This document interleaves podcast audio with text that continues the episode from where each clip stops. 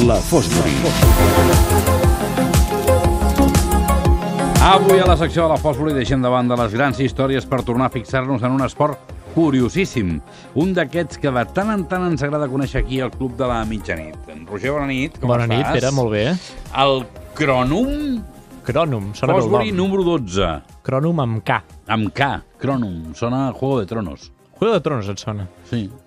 Una mica sí, eh? Perquè al final no deixa de ser una gran batalla, allò. Sí, sí però, però, què és? Què és? Una amanida d'esports, em dius. Una amanida d'esports. Jo crec que aquest és el concepte que, que pot definir el Cronum. És l'esport eh, d'aquests una mica diferents, eh, curiosos, estranys, algú el diria, eh, doncs, que estem explicant en aquest número de, de la revista doncs, que la setmana passada presentàvem aquí al Club de la Mitjanit, que fèiem aquell avançament. És un esport que el que fa bàsicament és unir altres esports, i això és una novetat respecte al que hem anat fent quan hem presentat alguns esports estranys que n'hem fet eh, uns Sí. quants en aquesta, Home, aquesta els temporada. cacs. Entre d'altres, aquelles curiositats. eh? Correcte, Sí, sí, correcte. doncs en aquest cas el que fem és anar a esports molt coneguts, però units d'una manera que, d'entrada, sembla estranya. Posa-li aquesta amanida, futbol. Futbol. A la Fosbury no en parlem, però en aquest cas, com que forma part d'un esport, doncs Mm. eh, avui fem una petita excepció. Ah, tampoc passa res. tampoc passa, tampoc res, passa tampoc res. passa res. Una mica d'handbol Em vol, ja comença a costar-me. i una mica dir, de bàsquet. Ja em costa... Aquesta és la fórmula, la fórmula essencial, però llavors hi ha dos petits ingredients més que també han d'acabar de completar l'esport. El rugby i un que t'agradarà. El Quidditch. El Quidditch. Aviam, un tio amb una escombra...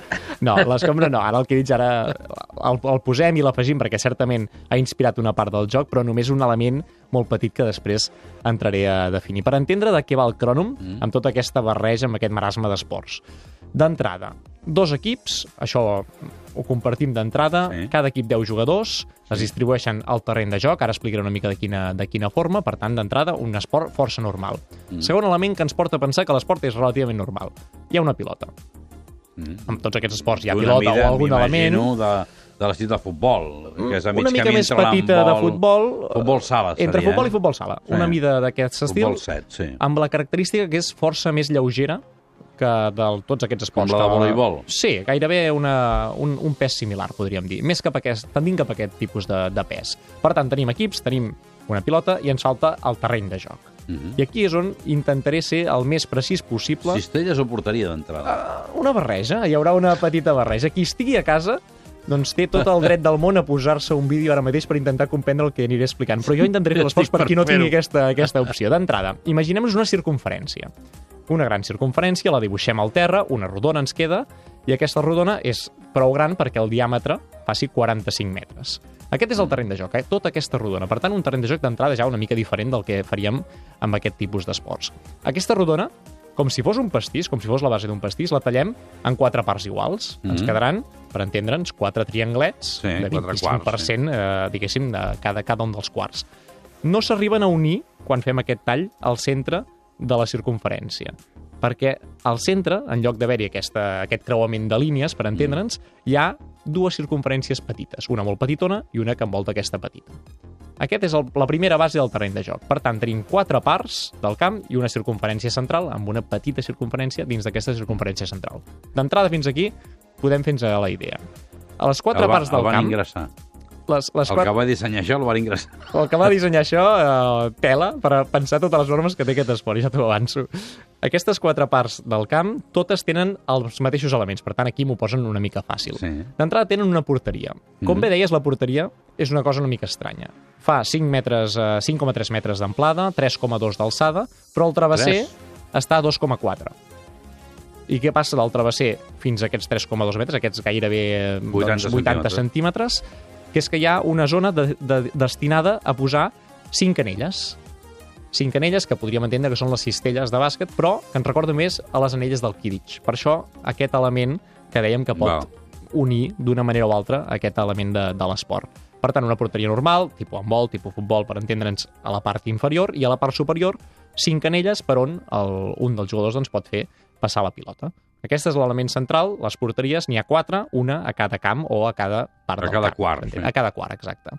Cada zona té una petita àrea petita envoltant aquesta, aquesta porteria, Rodona, clar. rodoneta, després una àrea gran més, més eh, rectangular, podríem dir, un fora l'àrea, podríem anomenar-lo d'aquesta manera, i llavors ja quedaria la circunferència central o la resta de, de, de quarts de, del camp que ens quedarien més lluny d'aquesta zona que estem explicant. Cada zona té un nom i cada zona té unes normes. Això el que fa és que quan poses 10 jugadors d'un equip i 10 jugadors de l'altre, els has de distribuir pel conjunt de la circunferència, però entenent en tot moment que hi han quatre porteries a defensar o atacar, perquè una de les gràcies d'aquest joc és que es pot anotar punts o marcar o fer gols, diguem-li com vulguem, a qualsevol indret del camp. Dir, no hi ha un equip que defensi dues porteries i l'altre que defensi Exacte, dues. exacte. Tots defensen totes. Tothom I tots ataca, ataquen tothom a totes. defensa. De tal manera que si un jugador, per exemple, perd la pilota, l'està controlant amb, amb els seus peus, està, està corrent i la perd, ràpidament un jugador del teu equip que estava intentant marcar gol s'ha de posar, però corrents cap a aquella porteria una mica, intentar fer de porter o a defensar d'alguna manera o altra. Poden jugar tots a porter. Poden jugar tots en qualsevol eh, funció, diguéssim. És eh, 10 persones que han de fer de tot durant eh, tota la partida, per entendre's que dura 60 minuts, una horeta, distribuït en tres parts de 20 minuts. Com funciona les zones de, de, del camp? La zona d'aquesta d'àrea petita, que hem dit que està gairebé tocant a la porteria, com que és la zona més propera, és la que dona menys punts. D'entrada, si des d'allà es fa gol, es dona un punt. Si es fa bàsquet o s'encistella o es passa la pilota per l'anella, és que no sé ben bé quin concepte hauríem d'utilitzar, se'n fan dos. Sempre es duplica la puntuació segons si la pilota passa per les anelles petites o passa per la porteria, com és Amb la mà o habitual. amb el peu? Ah, mira, en aquesta zona del camp pots utilitzar el que vulguis, el nas fins i tot. És a dir, no hi ha cap problema per utilitzar cap part del cos, A l'àrea petita. a l'àrea petita. Què passa? Que no, mm, si seguim doncs, avançant, tenim una zona de cunyes, que és aquesta àrea gran que l'hem anomenat així per entendre'ns de cara a que l'oient del Club de la Mitjanit segueixi el Sí. fil. Aquesta zona de cunyes el que permet és duplicar la puntuació, per tant, dos punts doncs, si es fa gol i quatre si s'encistella, però la pilota no es pot tocar amb les mans aquí. Per tant, es pot tocar amb el cap, amb el tors, amb les cames o amb els peus, però amb les mans no. Es pot fer el que vulguis, amb la, amb la resta de parts del cos que hem anomenat, però amb les mans, aquí res de res. Uh -huh. Com que s'entén que estàs molt proper a l'àrea, a, la, a la porteria igualment, encara que sigui després de l'àrea petita, s'intenta doncs, evitar aquest factor doncs, que rebis una canonada, diguéssim, amb la, amb la Mm. mà d'algú que pugui llançar molt fort la pilota. Aquest és un dels objectius, diguéssim, d'aquesta distinció. Si ens en anem fora d'aquesta àrea gran, per tant, Mm. aquest fora l'àrea que hem anomenat, que és la zona flex, aquest seria el nom tècnic que utilitza el crònom, aquí les normes tornen a canviar. Aquí pots utilitzar qualsevol part del cos novament, per tant, aquí les mans tornen a tenir un cert pes i ens hem d'imaginar, per exemple, doncs, que si algú llança la pilota des d'aquí cap a porteria com, una, com un llançament d'handbol, Uh -huh. és gairebé equiparable, per entendre'ns. El que passa és que aquí també introdueixes una norma de bàsquet com que només pot ser dues passes i l'has de passar o has de llançar. Tens aquesta petita zona de camp on pots fer això. Aquí els punts són exactament els mateixos que a l'àrea gran o que a la zona de cunyes que dèiem abans, per tant, dos i quatre. I si te'n vas d'aquesta zona, per tant, si ja abandones la teva porció de camp, és a dir, un d'aquests quarts del camp i llences des d'una altra zona, cap a aquella porteria tota l'estona, perquè és, mm, si no estaríem incorrent ja amb altres, amb altres normes, o si ho fas des d'aquesta circunferència central que anomenàvem al principi, l'únic que fas és mantenir les mateixes normes, per tant, dues passes, llançar o passar la pilota, però es duplica la puntuació, per tant, 4 punts o 8 punts si aconsegueixes des d'una distància força llunyana, perquè al final no deixant ser 20 i pico de metres Sí, llançar 22 i lluny, mig. No? doncs eh, anotar allà, per exemple, amb una anella, fàcil, fàcil no seria, i acabaria sent doncs, la doble puntuació al màxim, que serien 8 punts. La Núria ha penjat un vídeo del Cronum perquè la gent Fantàstic, ho pugui anar fantàstic. seguint al, al Facebook del Club de la Mitjanit. Tot i que diria que la gent que ens estigui seguint i no estigui en vídeos ara mateix, jo crec que haurà pogut entendre una mica la Sí, sí, dinàmica jo ho del estic joc. entenent. Jo que, per tant, entenent. era l'objectiu central d'intentar que Jo com a mínim ningú es entenent. perdés, encara que no estigués el que, ha visualitzant de ser, el imatges. que ha de ser un porro ha de ser el tema eh, de la banqueta, és a dir...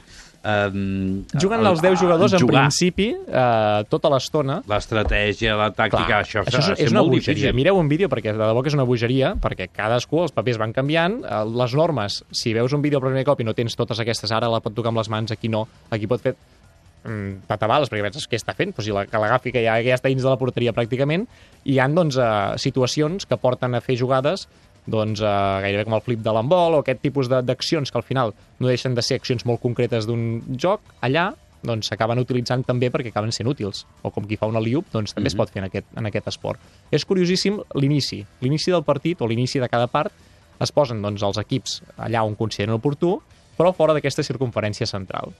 I l'àrbitre està a la circunferència petita, llença la pilota amunt i han de córrer com bojos de la, des de la circunferència aquesta una miqueta més gran a veure qui l'enganxa primer i de vegades es foten unes nates també eh, força, força importants que aquí és on podríem entrar gairebé a considerar El alguns rugby. elements del rugby Mm. dins de- dins d'aquest esport. Per tant, no deixa de ser una curiositat mm, grandíssima per entendre'ns, però amb un esport superdinàmic. És dels esports que, que he vist Ha de ser a un, d'una velocitat increïble. és una velocitat increïble i un cansament, són 20 minutets, però que els 20 minutets els acaben raó. esgotadíssims perquè és que no paren. Perquè tu estàs pendent d'una porteria, però és que des d'aquella et poden marcar des de l'altra punta del Si camp. la pilota surt fora, Si la pilota surt fora, es torna a posar al camp. La, la, la passa, la passa l'equip rival. I també hi ha faltes, si algun dels jugadors, per exemple, doncs, eh, intencionadament eh, va aturar un altre jugador que estigui amb la pilota, però no busca la pilota, com qualsevol d'aquests esports, mm -hmm. es eh, xiula falta, cop de càstig, i des d'allà es pot intentar marcar la porteria més llunyana. Per tant, sempre s'intenta doncs, no afavorir gaire doncs, el, mare de Déu. I. I ho juga molta gent, això?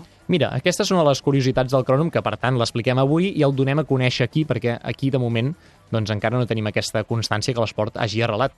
Mm, La setmana que ve em podeu sorprendre amb un equip de crònom de Barcelona. Us ho agrairé molt, però d'entrada, diguéssim, no tenim aquesta, aquest coneixement sí que està eh, implantat als Estats Units. És l'esport més recent que hem portat aquí, neix el 2008, per tant, Nou. diguéssim que podria Nou. encara canviar alguna normativa i ningú se n'adonaria gaire.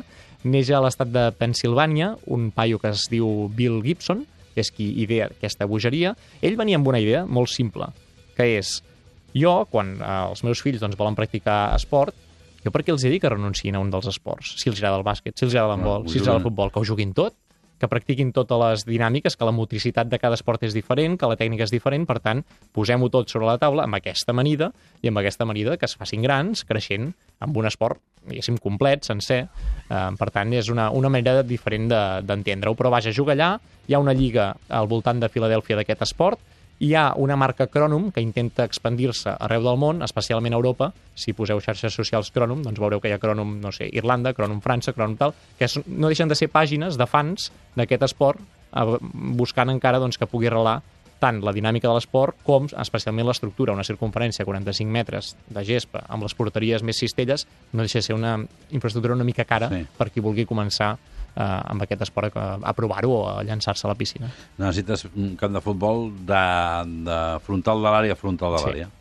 I l'amplada natural. Mm. Uh, quin moment fos volis triat? Mira, intentant buscar algun d'aquests esports, perquè de crònom em sap greu, però he pensat no. que potser la gent no, no estaria, no estaria al fil, al fil de, seguint el fil d'aquest esport, doncs hem triat el bàsquet i hem triat una situació que hem viscut aquest cap de setmana, que hem tingut una quasi lliga, Sí. eh, quasi final de Lliga Catalana Femenina, amb l'Uni Girona, que sí, que li desitgem molta sort, però també el que dir la seu, el volíem felicitar des d'aquí per aquesta temporada excel·lent eh, que ha pogut fer, malgrat perdre a última hora doncs, amb el Perfumeries. Roger, moltíssimes gràcies. Com sempre, vosaltres. espectacular. A veure quan juguem a crònom. Mm, bé, bé, jo faria bon paper. Segur que sí. De diumenge a divendres, d'11 de la nit a 1 de la matinada, al Club de la Mitjanit, amb Pere Escobar.